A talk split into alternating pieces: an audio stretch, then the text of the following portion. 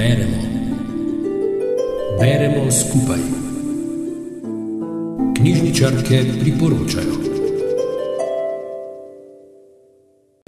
Lepo pozdravljeni vsi ljubitelji dobre knjige v današnji oddaji Beremo skupaj. Danes nam bo Romana Hafner iz knjižnice Ivana Tavčarja Škofja Loka v branje priporočila roman izpod peresa italijanske pisateljske naveze Luka Kripa in Mauricija Onis, Deklica iz Kijeva. Njun prvi skupni roman je v slovenščini šel že leta 2014 in nosi naslov Fotograf iz Auschwitza. Pred kratkim pa smo dobili še drugi roman z naslovom Deklica iz Kijeva, ki ga je prevedel Andrej Turk.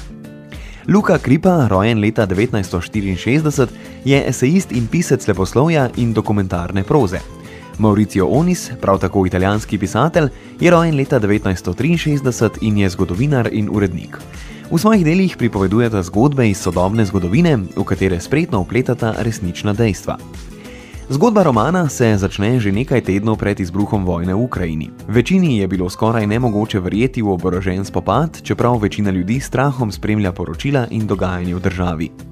V romanu spremljamo desetletno deklico Aliso, ki živi z mamo Polino in očetom Semjonom v stanovanju bloka na zahodnem obrobju enega najstarejših evropskih mest, Kijeva.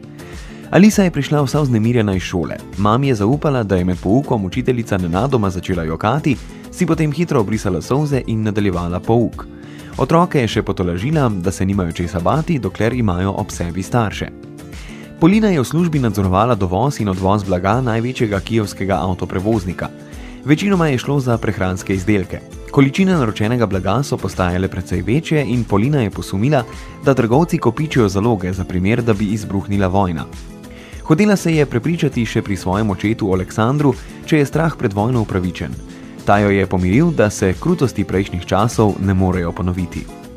Oče Semjon je bil izkušen vodič v naravoslovnem muzeju v Kijevu, Alisa ga nad vse obožuje. Na dan pred začetkom vojne je dopolnil 40 let. Stari oče Aleksandr je živel v svojem stanovanju nedaleč od Alise in njenih. Žena mu je pred nekaj leti umrla in živi sam z mačkom Milujem. O branju zgodbe o družini Melnikov spremljamo vojno skozi oči Alise, ki strahove in upanja beleži v dnevnik in se tako zavestno izogiba preplavljanju negativnih misli.